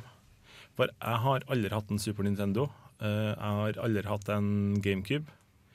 Jeg har hatt en Nintendo 64, og jeg har hatt en 8-bit Nintendo Mm. og en Gameboy. Og eh, pappa hadde en PC pga. at han jobba i avis på den tida. Så, med svart-hvitt-skjerm og diskettstasjon. Uansett. eh, det er på en måte sånn eh, blanda her at det er noen jeg har spilt på, på PC som jeg syns var veldig veldig fin. Og så er det en del som jeg har spilt på 8-bits Nintendo som jeg liker veldig godt. Og det absolutt eh, spillet som gir meg mest nostalgitripp, er jo mulig at det kommer som en overraskelse på noen, kanskje ikke på alle sammen. eh, Super Mario Brothers 3. det er fortsatt det beste spillet jeg noen gang har spilt. Eh, men sånn på PC-sida så tenker jeg um, For eksempel, altså jeg er ikke gammel nok til at jeg har gode minner til eksempel åh, det tennisspillet. Det er Pong. Pong, ja! Det husker jeg ikke. Men, men eh, Lemmings er jo fantastisk. Eller, eller som jeg nevnte tidligere, Warcraft 1. Eller Pizza Tycoon. Aldri, aldri Ingen. Ingen. Pizza Tycoon går ut på at du skal lage din egen pizzarestaurant. Uh, og så får du lov til å lage dine egne pizzaer. Sånn, skal ha på så og så mye og så mye skinke og, og artisjokk og banan og fisk og sånn. Og så uh, rangerer folk til å si mm, her er veldig godt, eller å, her er verste pizzaen som har smakt i hele mitt liv. Og så dukker det opp flere pizzakjeder rundt omkring i byene. Og da kan du, da kan du ringe the, uh, the Candy Shop og si Hei, jeg vil ha en flammekaster. Og så, og så stikker du til den konkurrerende pizzarestauranten og setter fyr på alt sammen. Det er et kjempetøft spill. Først så ja, Det virker som et helt vanlig tycoon-spill, men så, ja, så kom denne flammekasteren, da. Det, som det har vært å ut på Og, og det. er, det er et utrolig fint spill. Eh, men, men Jan Lemmings Og så kom jeg til å tenke på Worms. Ja. Gamle Worms-spill. For det er, en sånn, det, er, det er noen av spillene det, som på en måte har satt eh, konkurranseinstinktet mitt i fyr og flamme til å begynne med. Det var en av de Mm. første spillene som gjorde det skikkelig. Mm. Sånn, at du sitter da, så kan du kalle ormene dine liksom Anders og Andreas og Bård og Torben og Chris og Jeg vet ikke om det er nok bokstaver til å skrive Jens Erik, eller om det var lov med mellomrom. Men eh, så sier du at nei, her skal snakke kinesisk. Og så setter de opp mot øh, ormene til kompisen din som sitter rett på sida av deg, og skuldrene deres gnisser mot hverandre. Dere skuler olmt mot hverandre. Det er min, øh, mi, et av mine bedre multiplayer PC-minner. Kan litt av retrospilldefinisjonen være at det var bedre før? At liksom Å føler litt av the golden age av disse spillene var før i tiden? For jeg føler det er ingen Worms-spill som er like bra som Worms 2. Jeg vil ikke helt si at eh, alt var bedre før, eh, men eh, det har absolutt noe med en nostalgi og litt eh, rose-tinted glasses. Ver- Verdenskriger, for eksempel, var bedre før. Nei, jeg er ikke flink på det. Men mine favoritter er kanskje faktisk litt nyere enn dere sin. Fordi at eh, jeg liker å se på spillindustrien utvikle seg som et menneske. Hvor du har liksom Arkaden og Nesen, så er du barn på barnehagen, og ting er ikke så komplisert, og det er ganske fargerikt. Og så kommer du på barneskolen og blir litt mer sofistikert i SNES-æraen. Og så plutselig så treffer puberteten din med 3D, og hele greia forandrer seg litt. Der man prøver å finne seg sjøl. Ja. Ja. Ja, fordi at eh, nå så har alt sammen endra seg, du må forstå reglene helt på nytt. Og så kommer du til eh, slutten av ungdomsskolen, starten av videregående, hvor du eh, forstår mer, du prøver å være litt mer edgy. Du har lyst til å være voksnere enn du faktisk er. Og det er starten av 2000-tallet. GameCube og PlayStation 2 er en alt det der. Og jeg synes det er interessant, fordi at det er en del av livet til både spillindustrien og til mennesker, hvor du er ganske eksperimental. Du prøver veldig mange ting som senere vil ta og feile, og du bare går bort ifra fordi at du fant noe som du likte enda bedre. Og de spillene liker jeg å gå tilbake til. Eh, Til eh, Vampire the Masquerade, Bloodlines, til eh, Hitman Blood til det som veldig mange av de beste Star Wars-spillene er herifra. Nights of the Old Republic, Republic Commando, Jedi Academy, alt det der. Så den æraen der synes det er veldig interessant å gå tilbake til, fordi at designkonvensjonene er annerledes nok til at du både kan se hvor ting kom ifra, og du kan ta og se hvor ting prøvde man aldri kom seg noe lenger. Mm. Nei, jeg også likte det GameCube-æraen rundt der. Mm. Og jeg ser jo mange som uh, sier det at uh, Og Nintendo Wii så var, det var liksom så kjedelig. Det var masse sånn casual og uh, sånt. men- Shovelware. ja. Mens på GameCube så var Nintendo pressa inn i et hjørne. Den solgte ikke så bra i starten. Og de måtte derfor eh, kjempe og være litt, prøve å være litt kreative. Vi fikk jo f.eks. Luigi's Mansion, som jeg ikke har spilt, da, men eh, bare det at de hadde et spill med Luigi i hovedrollen Det, det tok og innoverte en del, og jeg tror ikke de var alene, som du sier. Mm. jo Public Command er også et knollspill. Et av mine Å, absolutt. Det er så verdt å ta og sjekke ut. Det ligger ute på Steam og alt mulig rart. Det er også fordelen med å være interessert i denne æraen, i hvert fall hvis det har vært PC-spill, er at de er relativt lett å finne tak i. Og ganske billige. Og ganske billige. Det er så absolutt. Jeg vet ikke hvor vanskelig det er å få tak i sånn GameCube Altså GameCube-spill nå. Du har, Det- du har noen på sånn Nintendo Direct og sånn, eller? Det kan vi ta og prate om eh, når vi kommer tilbake. Om eh, hvordan eh, retrospillet, og spesielt kassetten, har blitt litt som vinyl. Men før det så skal vi høre litt gammel spillmusikk som du har funnet tak i, Torben. Hva er det Michiru Yamane har tatt og laga for oss? Han har laga Dracula's Castle til Castlevania Symphony of the Night. Dracula's Castle fra Symphony of the Night. Castlevania-spillet over alle Castlevania-spillet, ifølge veldig mange. Eh, men nå skal vi ta og snakke litt om kassett som vinyl, og med det så tenker jeg både på måten det blir kjøpt på, og måten det nytes på. Fordi du spurte om hvor vanskelig det var å finne tak i GameCube-spill. Mm. Og jeg vil si at det er litt det samme som å finne Det å finne det GameCube-spillet du har lyst på, er litt som å finne den vinylplata du har lyst på. Dersom du har virkelig lyst til å finne, så klarer du å finne. Men du må gjerne ut med en eh, litt høyere pris enn det du kanskje er komfortabel med. Du må ta for til en butikk som tenker å spesialisere seg i det. Og eh, kvaliteten på det du får fysisk, er kanskje ganske variabelt av seg. Fordi at eh, da Game fremdeles var en ting her i Trondheim, så har vi en, eh, et utvalg av GameCube-spill. Og der så har vi for det meste inne skit. Vi har sånn eh, Det beste spillet vi har, var Need for Speed Hot Pursuit 2 og Gradius. Resten var liksom NBA 03 og alt det der som ingen egentlig har lyst til å kjøpe, fordi at med en gang det kom inn et spill kom Sunshine inn, kom Windmaker inn, kom Metal Gear Solid Twin Snakes inn, så var det noe som Jeg har lyst på det. Legg av til meg. Jeg skal ha det spillet. Tok, altså, si, hva, tok dere mer enn vanlig pris for liksom de eh, gull... Eh, Gullkorn er ikke ordet jeg er ute etter, men Altså, de virkelig sjeldne Sånn med prisla retrospillene våre, så eh, tok vi og lå litt under det vi ville tatt og betalt for på eBay.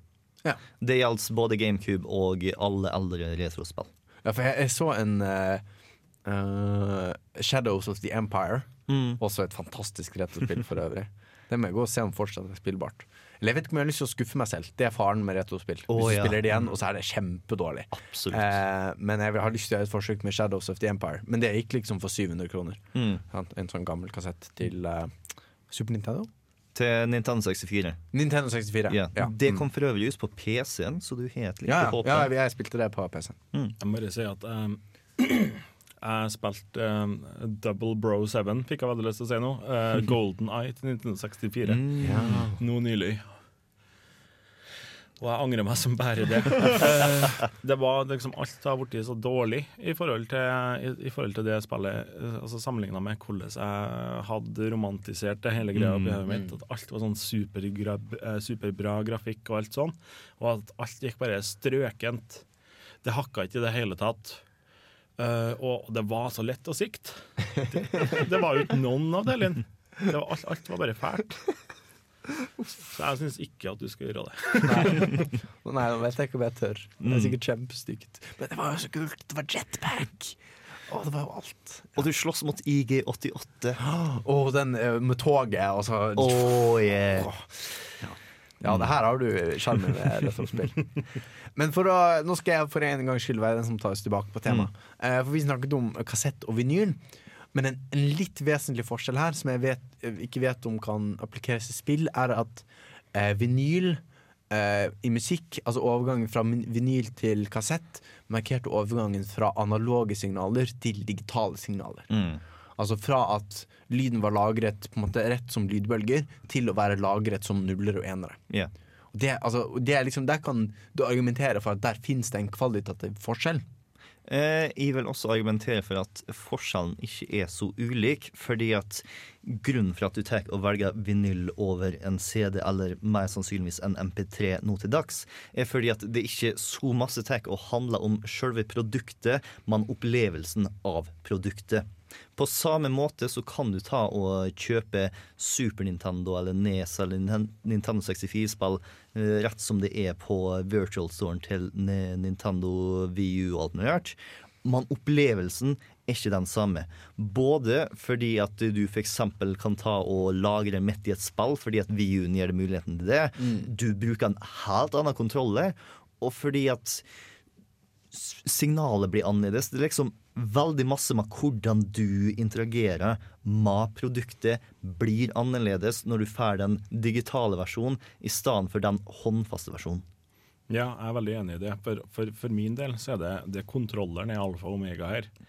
Uh, når jeg sitter og spiller spilt, uh, Sist gang jeg spilte uh, Megamann 2, for eksempel, det var på Nintendo Wii, og da betalte jeg 40 kroner og kjøpte den i e-shoppen der sånn, til Mm. Nintendo. Og, og det, var, det var helt annerledes å sitte med en sånn lang uh, Hva de kaller det? Nunchuck? Er det? Ja. Ja, en lang sånn nunchuck. Uh, det, det, føltes, det føltes så feil. Er det, er det selve Nei, altså, altså bare den selve remoten. p- ja. pro-kontrolleren. Nei, vanlig remote. En sånn lang firkant. Oh, ja, V-moten? V-moten. yeah. V-mote, hva det heter. Det var litt som å, som å drikke alkoholfri øl, altså. For at du fikk alt det var det samme, men det føltes veldig feil samtidig. Ja. Og, og, og jeg har til dags dato ikke funnet en kontroller som jeg er like, like bekvem med som den gamle Nes-kontrolleren. Det har sikkert skjedd en del med meg òg. Jeg kommer sikkert ikke til å like det når jeg prøver det igjen, pga. at hendene mine har vokst i eh, mer siden jeg var Oi 12-13 år gammel. Jeg håper du ikke var så stor som du er nå når du var 12-13. Det høres ut som et hormon. Hormonfeil. Det er mange kilo siden at jeg spilte Nintendo sist. på, på en. Ja. En sånn liten fun fact. eh, Jeg spilte jo Megaman 2 på 3DS, og den er omtrent like firkanta som eh, Nes-kontrolleren. Ja, det er sant. Den eh, første den ser, Jeg har aldri brukt neskontrollen noe særlig, men den ser jo helt forferdelig ut å bruke. Den er jo bare en firkant. Den, ja, den er ganske Den er Det er ikke ergonomisk i det hele tatt. Nei. Den er jo ikke laget for mennesker. Det er laget for noe annet. Altså, det er derfor jeg synes at uh, det retrospillkontrolleren som topper alle sammen, er Super Nintendoen. Fordi at den er ergonomisk. Ish, i hvert fall. Den er mjukere i kantene enn det nesen er. Den former seg litt mer etter hendene. De er sånn Her har du en forvokst fyrstikkeske som har noen knapper på seg. Kos deg. Jeg var der. eh, jeg var der Mm. Når det skjedde. Eh, altså at det lanserte Nå kommer eh, Super Nintendo, sto det i Nintendo-magasinet. Og bare wow, tenkte jeg da. Mm. Jeg sa vel egentlig mer sånn wow! Eh, men så kikka jeg på kontrolleren, og det så ut som et jævla romskip. Ja, men- Er, det, er det negativt? Eh, nei, men- akkurat der og da, i en alder av skal vi se, åtte år For det var i Så- så 94 det den kom, sant? Eh, akkurat der og da fikk jeg litt, litt den samme aversjon mot ny teknologi som jeg tror kanskje eldre folk tenker på første gang de kjøper seg en iPhone. At wow, hva er dette? Jeg trenger jo ikke alt det her. Hvorfor skal jeg ha dobbelt så mange knapper som jeg hadde tidligere? Jeg har ikke bruk for det. Og jeg Skulderknapper, hvem trenger det? Jeg har fått Marit oppi oppe som bærer det uten det. Mm, Men når vi snakker om kontroller, så har jeg lyst til å trekke frem Nintendo 64-kontrolleren. For den er så rar! Altså, den har tre sånne tag tagger. Kaller vi det tagger? Ja. Altså, Nintendo 64-kontrolleren er et tegn av puberteten. fordi at dette var Fordi de, fordi oss, eller? Nei, fordi at Nintendo var veldig usikker på om 3D kom til å bli en skikkelig ting. Fordi at eh, det Nintendo 64-kontrolleren tillot det, er at du holdt i de to mest høyre taggene, så spilte du et eh, 3D-spill, mens dersom du tok i den venstre, de to ytterste, mm. så var det veldig lett å spille et 2D-spill. Ja, det er sant. Jeg må bare si at når jeg spilte 3D-spill med den joysticken i midten, så holdt jeg bestandig over sånn over de to ytterste likevel. På grunn av at da fikk man eh, Da hadde man bestandig en begrensning for at man kjørte ikke for langt til høyre. Men fy søren, det er ingen som har så lange tomler. Bortsett fra deg. Ja, vi, vi kan sikkert legge ut bilder av fingrene mine. Ja, jeg har veldig små hender. Det er sant. Nei, nei, men altså, det, var, det var en sånn fin måte for meg sjøl å sette grenser på. Jeg skal aldri lenger til høyre enn det her, sant? for da knekker jeg syng, eller da, ja, da Ah. pusher jeg for langt. sant? Du har spilt litt vel masse Mario Party. Ja. jo, men samtidig, den joysticken der, den ble jo, den ble jo veldig fort slitt når man satt og spilte eh, Mario Party. Og bare snu har vi en god metafor på hvordan man, hva man snurrer det rundt som dere Altså, du kverner mjøl ut av eh, stikket. Ja, jo, ja, bra. Det er en veldig god beskrivelse, Det, det er fordi at det faktisk ble mjøl. Du kunne, ta og, du kunne holde den opp ned, og det kom et hvitt pulver fordi at du har kvernet det av. Og, og, men, men du brukte aldri tommelen, da. Da brukte du på en måte Du brukte på en måte håndflata. Altså du altså, du skulle vinne. Hvem er det som bruker tommelen? det, var, det var som at du pussa den med sandpapir egentlig veldig fort. Og det ble varmt. Det ble Mm. varmt i, i hendene dine når du gjorde det. Fun fact, Nintendo delte ut hansker som du skulle ta og bruke for å gjøre det der, fordi at eh, det begynte å bli saksøking at folk fikk blemma i hendene sine av å bruke Nintendo 64-kontrolleren. Wow. Men det her er jo et kjent fenomen fra tidligere av. det da, eksempel eh, track and field eh, på, på 8-bits Nintendo. Det var jo haugevis av forskjellige sportsspill. Du hadde fekting, og så har du lengde og Jeg husker ikke alle greinene du Men det var i forhold til Jeg lurer på om det var OL i Seoul i 1988 at det spillet ble lansert. Kanskje? Kanskje. Nei, 92 kanskje det var. Uansett. Lenge siden. Før Torben ble født, si. Um, og, og der var det, For å sprenge der sånn, så måtte man trykke BABABA, BA, BA, og det skulle være annenhver gang man trykte dem. Og fortest mulig. Jo fortere du trykte, jo fortere sprang den. sant? Du kan jo se for deg uh, Samme som når du spiller cookie clicker i dag. Så måtte du finne en strategi for å få til å trykke inn de to knappene fortest mulig. Og da ble det vannblemme. Så min første vannblemme fikk jeg en alder av tre år når jeg spilte Nintendo. Og skulle prøve å springe om kapp med søskenbarnet mitt. Mm. Eh, bare for å ta og avslutte kassett er som vinyl. Eh, dersom dere er interessert i å ta og kjøpe retrospill, så har dere nødt til å ta og lete etter litt spesifikke samfunn, gjerne på nettet. Så dere kan f.eks. ta og sjekke ut eh, Facebook-gruppa, sånn som Retrospilling i eh, Sør-Trøndelag. En ganske fin en for dere som er i Trondheim. Eh, det fins en hel haug med nettsider som tar og spesialiserer seg i det, og selvfølgelig alltids eBay. Og på PC så kan du jo sjekke ut DOSBox, som er en emulator som du kan kjøre gamle eh, spill på PC-en din. Mm. Og Abandonia, som er et eget nettsted eh, tilegnet spill som utvikleren har sagt sånn OK, vi er ferdig med det, bare gjør hva dere vil. Shareware. Shareware, ja. Mm. Og selvfølgelig GOG, goodoldgames.com, som Mm. Har innebygd DOS-boks i seg, så når du kjøper ei, så spiller jeg rett på Windows 8-PC-en din. Vi kan sikkert eh, slenge inn en link i eh, det doobly-doo. Det kan vi godt gjøre. Det Ja. Nå skal vi ta og høre litt mer spillmusikk. Dette er en av de spillmusikkene som jeg blir mest nostalgisk av. Det er Treetops fra The Magical Quest starring Mickey Mouse på Super Nintendo.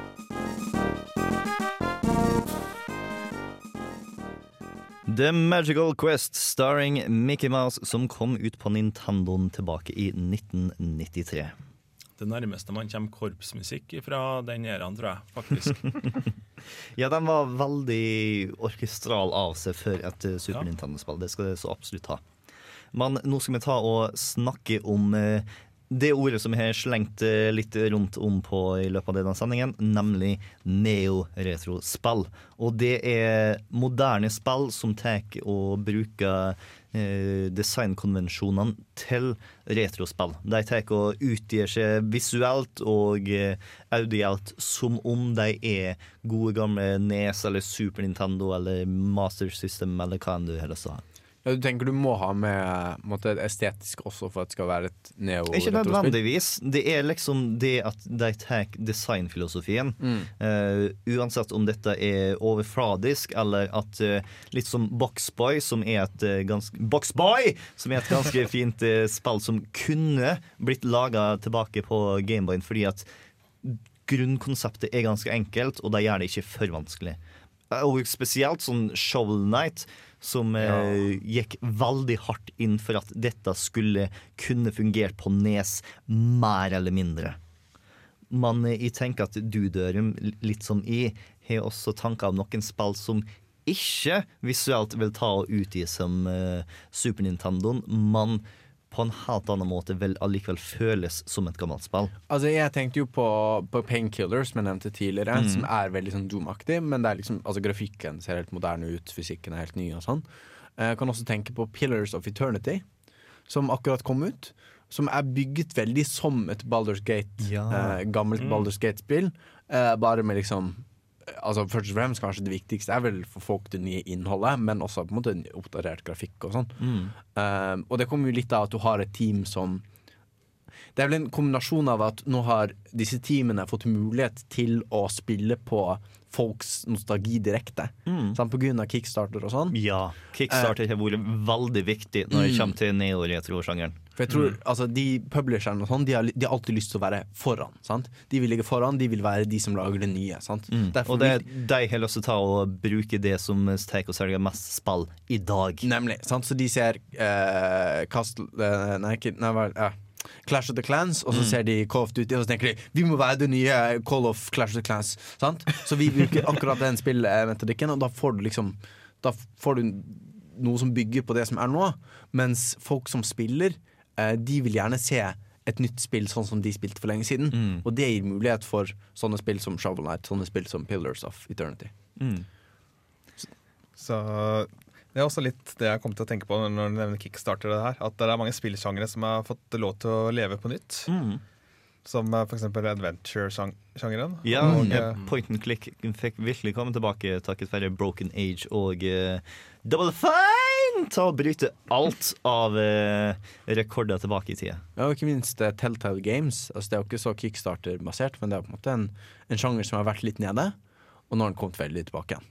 Ja, selv om de videreutvikla det Ja, det kan du si. Ja, de er en moderne point and click i stedet for en gjenfødt det, det, det, Ja. det er litt vanskelig å ta og konkludere litt der. Jeg føler jo at eh, 2D-plattformspill har fått en sånn liten renessanse gjennom f.eks. Super Meat Boy og Mm. nye Giana Sisters.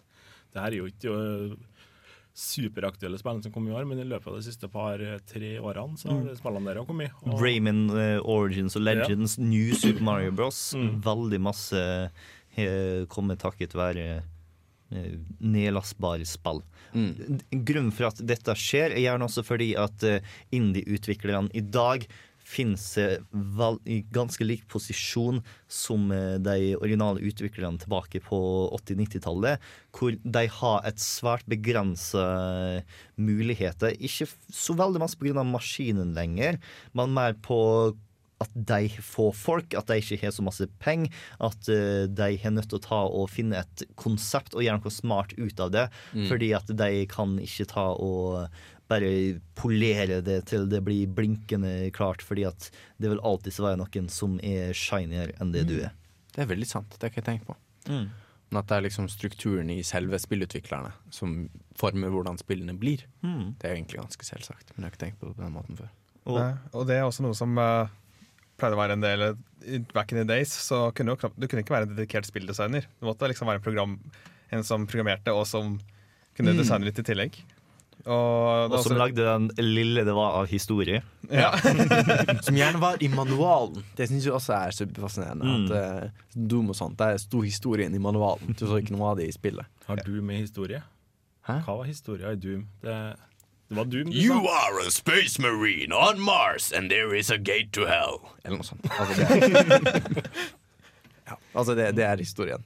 Det er, det er noe mer sånn du er i sånn forskningslab og sånn. Men sånn, dette står i manualen. Det står ikke noe om dette i spillet. Mm.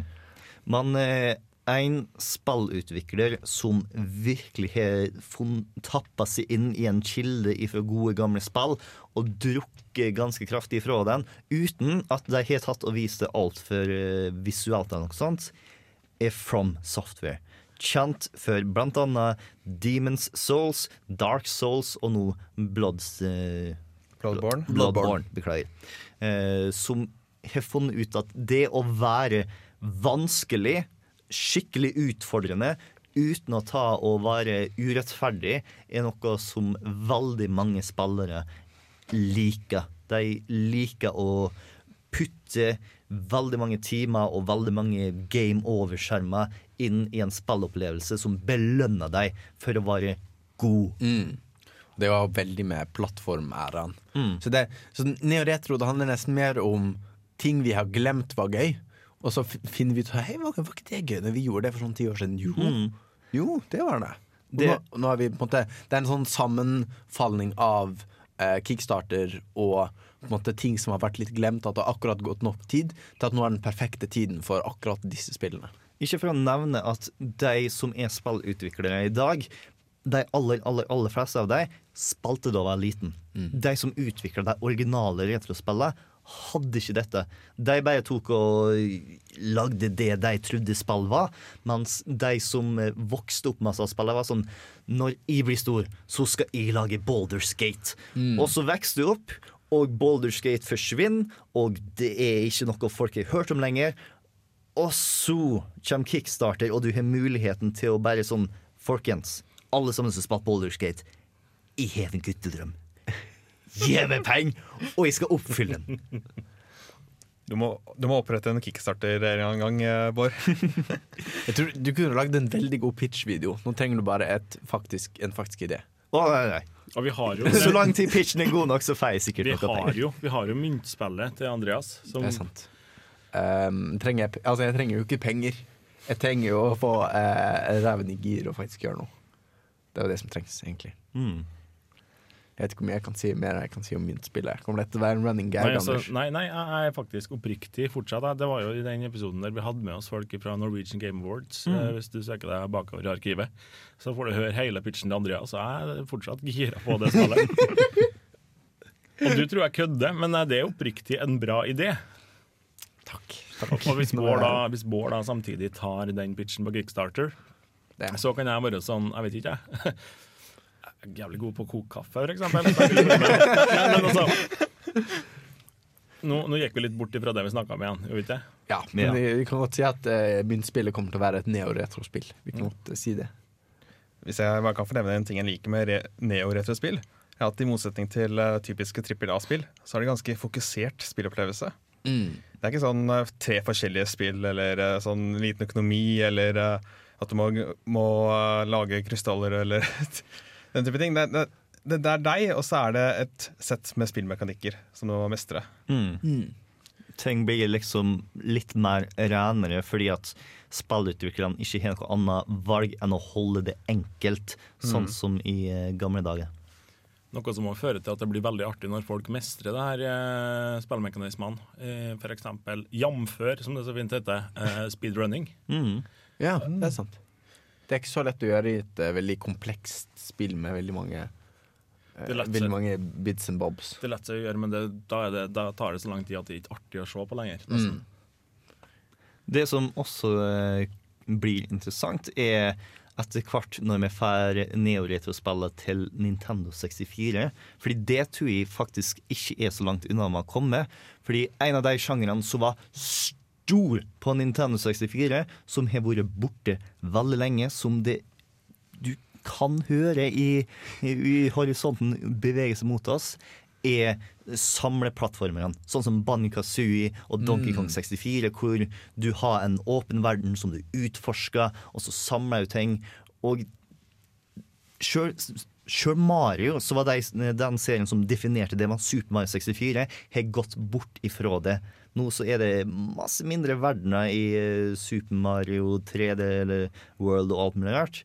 Så blant annet gamle Rare-utviklere holder nå på å ta og lage den spirituelle oppfølgeren til Banjo Kazooie og etc., etc. Så det tror jeg blir veldig spennende. Ukulele, tror jeg det het. Ja. Uh, ukulele Eller jeg, har også hørt uh, Playtonic. eh, Som et navn på noe. Men selvfølgelig. Rare var veldig mange folk.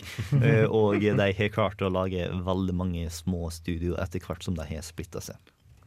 Så det blir spennende å se. Det blir veldig spennende. Det blir også spennende å høre på hva Anders har funnet tak i til oss av spillmusikk. Hva er det Harumi Fajita har tatt og skapt for oss? Det er det motsatte av det Dørum snakka om. Det var snakk om eh, vanskelige spill til nye konsoller, men her er et enkelt spill til en gammel konsoll. Superenkelt. Det er Chippendales uh, Rescue Rangers til Nintendo 8-bit. Uh, det her er fra den siste levelen i spillet. Den heter vel egentlig Cat Factory eller Level H, var det? Ja. eh, level J. Level- Happy, level J. Happy Cat Factory. Når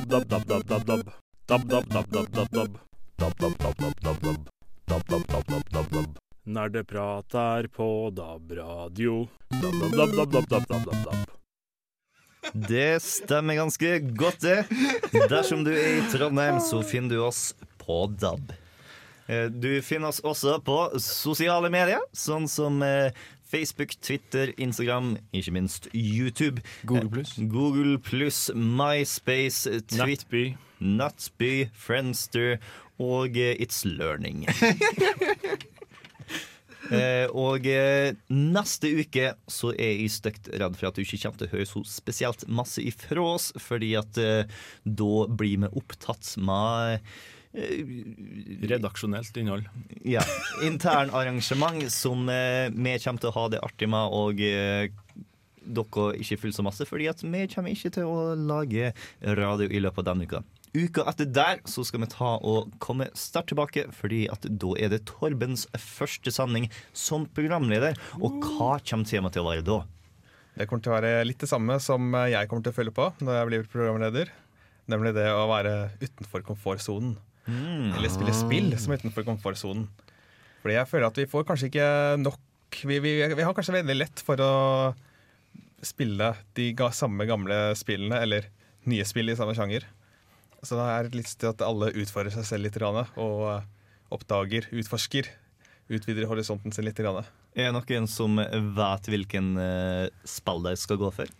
Jeg skal drikke øl sammen med kompiser, og så skal vi spille Fifa. Oi. Det er jeg ikke noe flink på. Eh, Jeg spiller nesten ikke Fifa i det hele tatt. Jeg har en kompis som hele tida prøver å få meg til å spille de From Software-spillene. Eh, Dark Souls og eh, Bloodborne og sånt. Jeg er ikke så spesielt glad i dem, så jeg tror jeg nå skal utnytte sjansen til å gjøre han glad og meg sjøl litt ukomfortabel. Nei, jeg vet ikke. Kanskje du får se meg skrike når jeg spiller skrekkspill, f.eks. Eh, I mellomtida så skal dere få lov til å høre på Lay Me Down eh, Flume remix av eh, Sunniva Hylseth.